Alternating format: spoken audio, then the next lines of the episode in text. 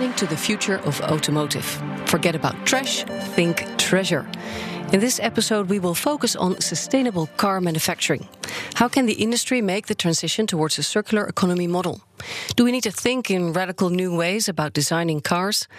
I will discuss these topics with experts from the industry. My name is Maria Punch, and joining me are Geert Glimmerveen, CFO of Black Bear Carbon, Jan Paul Kimmel, board member of circular automotive platform Clout, that's Clout with a T, and Patrick Musers, CEO of Polyscope and founding father of Clout.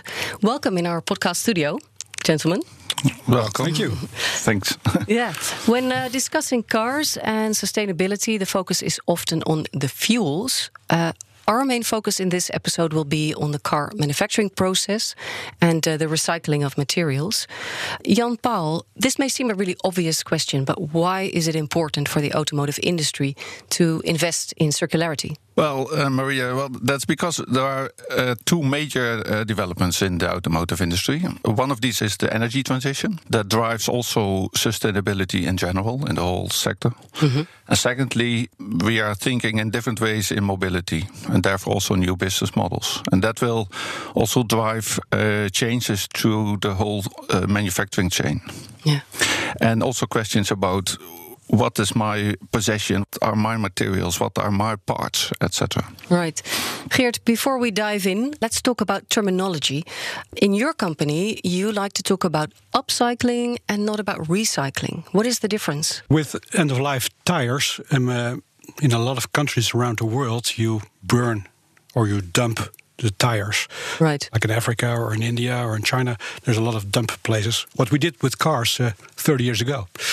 Uh, so still with tires. Um, then you can recycle them. Like, for instance, you can burn them and mm -hmm. get the oil out of them. Um, what is used in, uh, in the cement industry. And what we do is getting the valuable materials out of the tire and reuse it in technical plastics, inks, and in tires again. So we really upcycle the basic materials from the tire.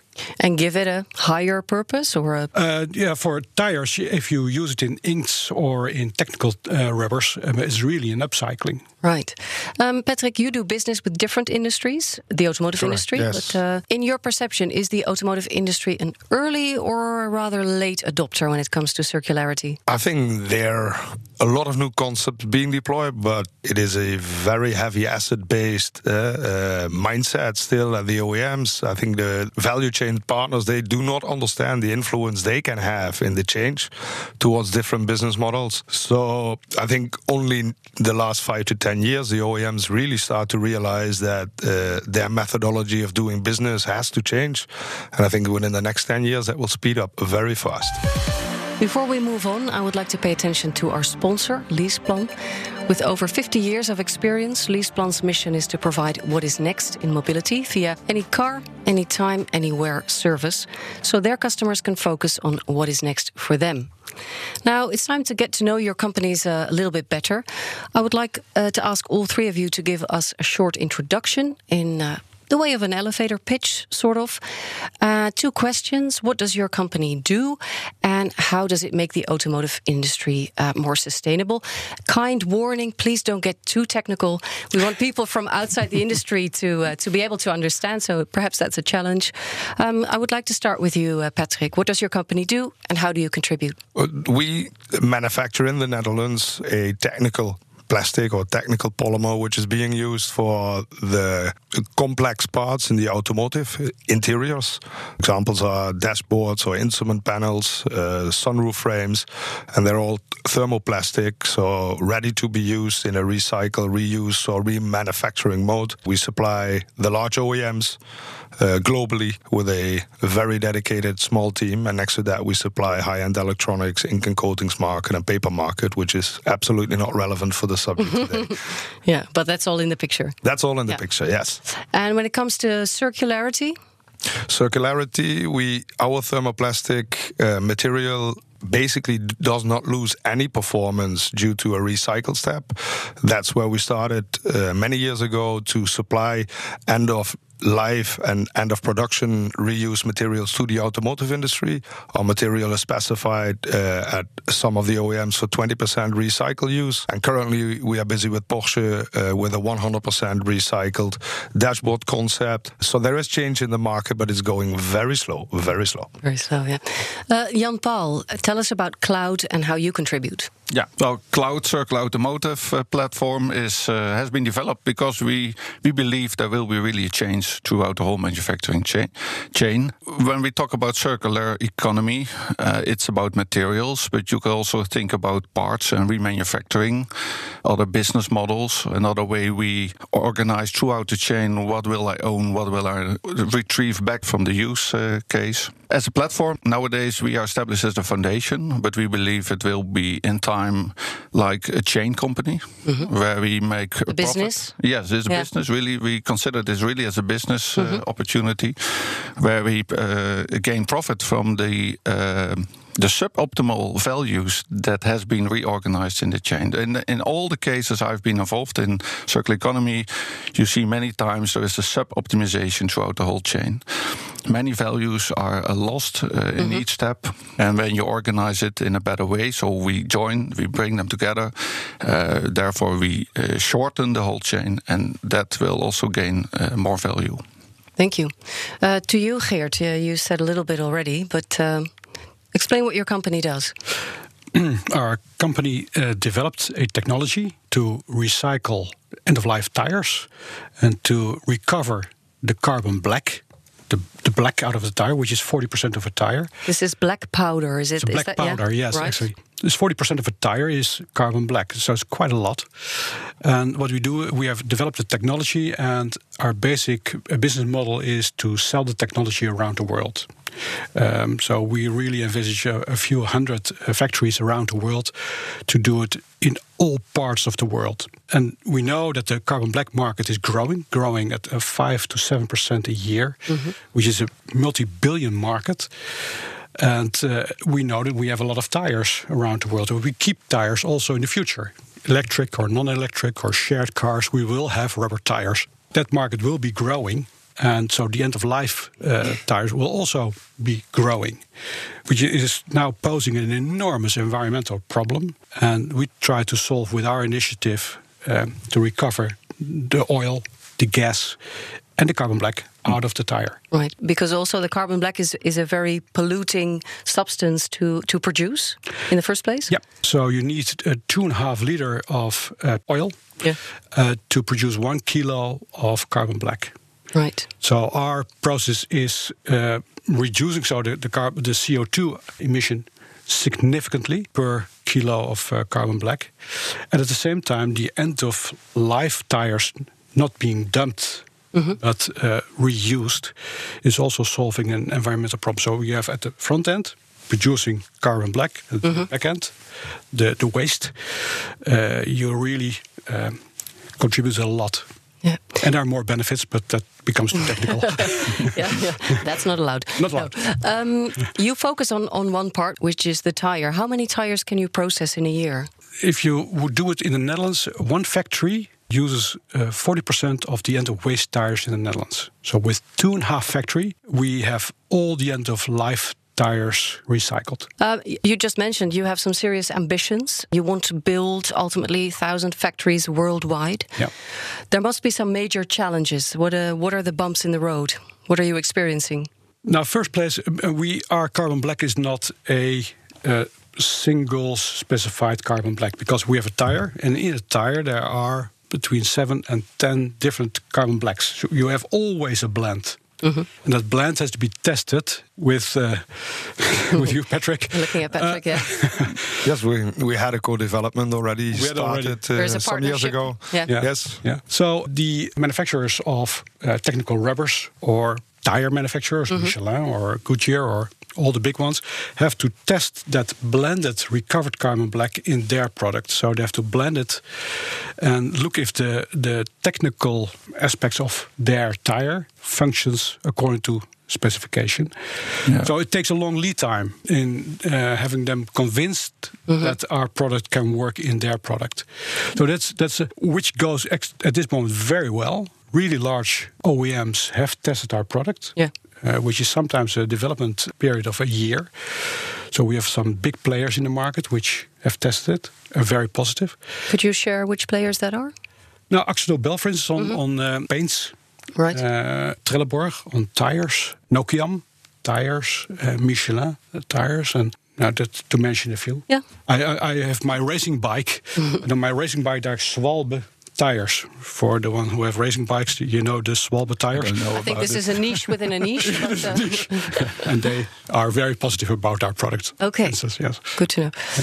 I can I can add on uh, Geert because uh, what you said about the trust uh, a technical engineer must have in a recycled uh, material. That's very important. That's also what we have uh, learned in a in a project we did with a post industry waste uh, stream, where we had also discussions together because the, the automotive industry requires mm, a certain percentage of recycled content. But a technician who is proud of the machine and everything is working, he is very anxious to change that process. But And that's also because of lack of understanding of those decision makers. Uh, if we produce a polymer, a polymer is an average of specifications, uh, which results in a performance. If you mention recycle, everybody assumes that it's less performing, Yeah. which is actually not the case. You could speak about a different performance, which you would then have to match up with other performance to get again to an average which uh, is is actually functioning. But people do do not understand that the polymer being supplied, it's also not a data point. It's also an average of, of many different functions, of many different points, which result in an average. And I think the term recycling itself Yeah. kills the energy in the industry. Right. So, So yeah. words matter because words, there is. words really do matter because at Yeah. the end, uh, all the plastics and everything we're speaking about is a recycling process from something which started many, many years ago. Right. So we start with a recycled product and we make a recycled product. So at the end, we're just speaking about products with performances. Yeah, yeah. And I think that the discussion about recycle kind of kills the energy. Yeah, so there is prejudice on the one hand, and there is a lack of knowledge mm-hmm. on the other hand. And that is where Clout taps in mm-hmm. by bringing all those knowledge partners complementary in a complementary manner together in a focus project. There is trust, there is understanding, and there's a lot of speed towards innovation. Because if you understand each other, if y- there is trust, people do not wait to hear it from their uh, next of kin in the supply chain. They use the entire value chain to understand their own position, and based on that, they feel much more confident to progress. And I think their Clout is a leading foundation in the automotive industry towards developing speed towards new innovations and that it's it's not the technical challenge which we always assume that Yeah. is the bottleneck of this introduction it is not the technical part of it is probably less than 10% the Nice. rest is value chain organization, yeah, organization. I fully support challenge. that, Patrick. Yeah. That yeah. Uh, Jan Paul, do you feel that people are starting to queue up now, or is there still a lot of convincing to do on your part? Yeah, the, la- the, the, the latter. The latter, yeah. And I always ask also uh, my partners, what is the reason for you to think about the circular economy? And many times the answer is not the material or a question about that or availability of it. So you need to think about. Uh, you have always challenges in your in your business, and in each challenge you might have a reason to do it in a circular way. Because when you are about to make a change, then do it in a circular way because you're more prepared for the future. So convincing is still uh, needed. A lot of explanation. What it is, like what we uh, discussed now here, also the, a better understanding, lack of knowledge, trust. Trust is very important. You are always uh, discuss with your partner upstream or downstream. Yeah. But now we bring together the whole chain from the material supplier to the tier one uh, manufacturer. So that is a group of almost seven parties, including some other additional parties because of you want to bring in some other knowledge. The first uh, two meetings are about to getting know each other and to- Yeah, yeah, Testing the water. Yeah. Yeah. Would I- it? may I oh, please to go this? ahead. Yeah. Is pricing. There is an understanding sometimes in the industry that uh, recycled product is more expensive. Mm-hmm. I don't know how it's you, Patrick, in, in your business, but our product is uh, price competitive with the virgin product. So that's an attractive uh, side. And the other side is that because uh, carbon black, furnace carbon black, the original is based on oil prices, which is fluctuating, Yeah. as, as everybody knows. Because we are several steps away from the oil, our price sensitivity to oil prices is much less. So we have price competitiveness and we are less volatile in our pricing. So there's two elements which uh, The last helps a lot. very important. Yeah, the, yeah, the volatility of pricing, because Yeah, that yeah. Depends whether you make a profit this year or not. And and when you have a stable relationship, where you uh, when we have an arrangement with each other, that I can get your carbon black. That's uh, so relationship is important. Yeah, relationship, trust, business models, pricing. Patrick, would it help to have a role model in the industry? Somebody, or perhaps are there role models, people that stand up and say, "This is the way forward"? I think in many many ways there are new role models uh, and attitude is changing. And this uh, we speak about pricing, and now uh, it, it has to be equal to virgin. Ten years ago, I can tell you it was uh, discounted uh, recycling. So that's a major step up uh, potentially in the use of, of those materials. I think if you look at the new ideas, those are typically hybrid solutions where you look at metals uh, together with plastics. Uh, the major change in the automotive industry, I think, towards a new concept is driven through modular production, and the OEMs are being forced to go in, into that route uh, for the first reason, eh, because n- not everybody is as prepared eh, to have their electrical vehicle platform develop themselves, so they start sourcing amongst each other and with, Right. with each other, which is a, a major step forward to reduce the complexity.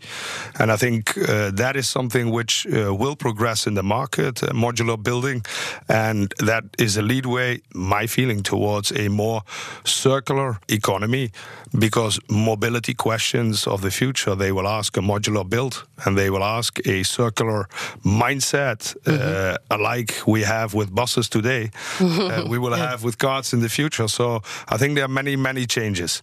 At the end i also would like people to understand that plastics they're much more an enabler for a circular economy than uh, a threat or a bottleneck. I think uh, we're discussing uh, plastics in the ocean, which is uh, ridiculous that we actually are still speaking about that. It, it should have never happened, and we have to get rid of it, and we have to make sure that that is not allowed. But if you look at the technical plastics and the technical performance plastics, we're we're beating metals, uh, which are being recycled at 1500 degrees C. A lot of energy is needed to get that back into shape. Yeah. If we are using thermoplastics or if we're using uh, carbon black, we're at 200 degrees with thermoplastics and we're at 700 degrees with carbon black. So at the end, we have to bear in mind that we have to judge the full chain of command and the full chain of use uh, for specific technologies. So I think uh, uh, honest uh, facts and figures are needed uh, to make people understand what is actually the right choice here. Does that mean a big part of your job is spreading the word, We're talking to people? We're too small to spread the word around the world. Uh, we we try to do uh, BNR News Radio, Yeah, well- which gives us a nice opportunity uh, We're to happy to out. contribute. We take we take stage at the IAA Frankfurt, and wherever we can, we we try to promote obviously our uh, technology, our concepts, our ideas. Uh, Polyscope has, has been founding father of Clout uh, because we need to work in a in a partnership model uh, that has matured to a business model, which is now Fast Automotive Group, which is basically, yeah, I would say the first business model uh, being generated from a Clout partnership, whereas we are working from design, engineering, tooling, injection molding, material uh, development towards new innovative concepts for the automotive industry. So I think as a smaller player in the market, we lead at least our position in, into a circular economy mindset. But for me, it's it will become a condition. It is not a goal or objective for Polyscope. It is a condition of doing business, Right. which is a major change in, in the mindset.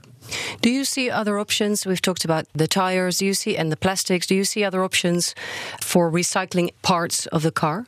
Yes, yeah, uh, remanufacturing. That's called remanufacturing.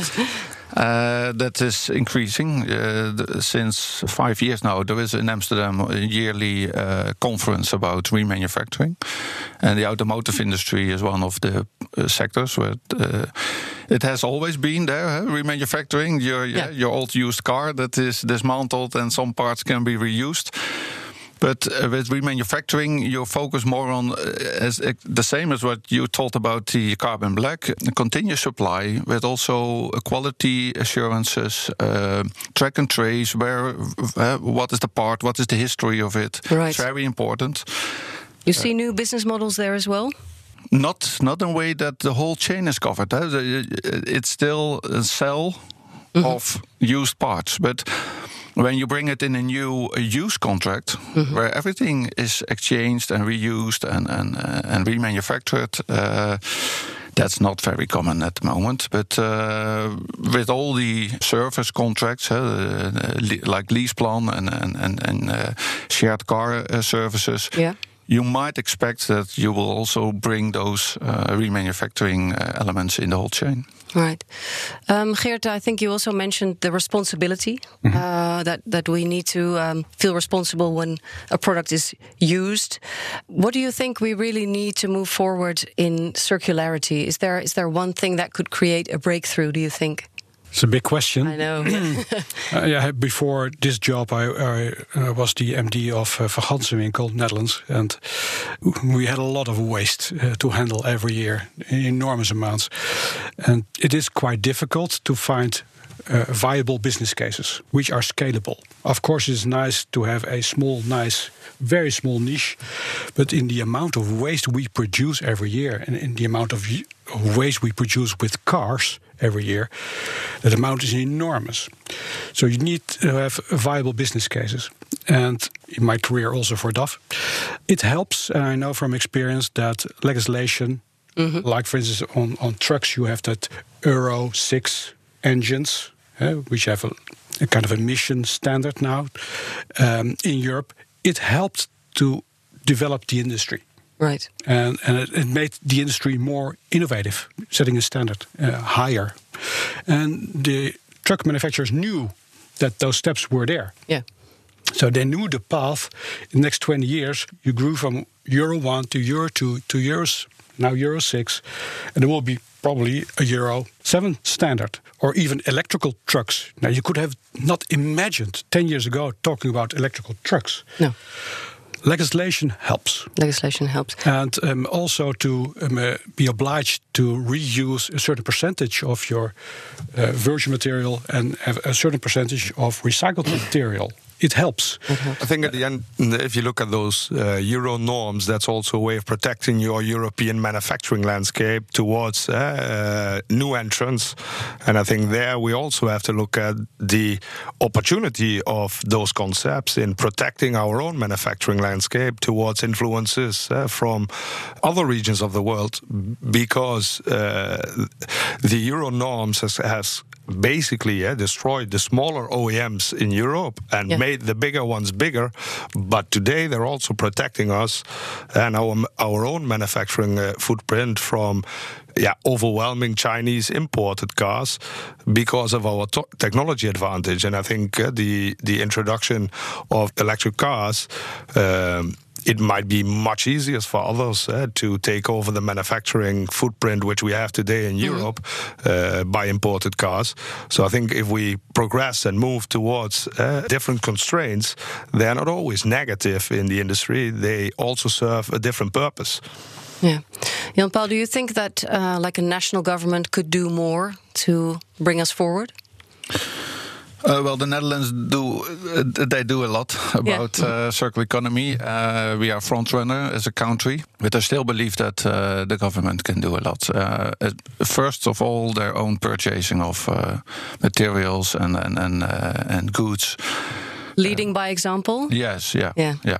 And of course, you have to deal with the uh, European uh, purchasing rules, etc. But there are many examples, especially here in the Netherlands, several groups that have overcome uh, problems with that. So that's first thing.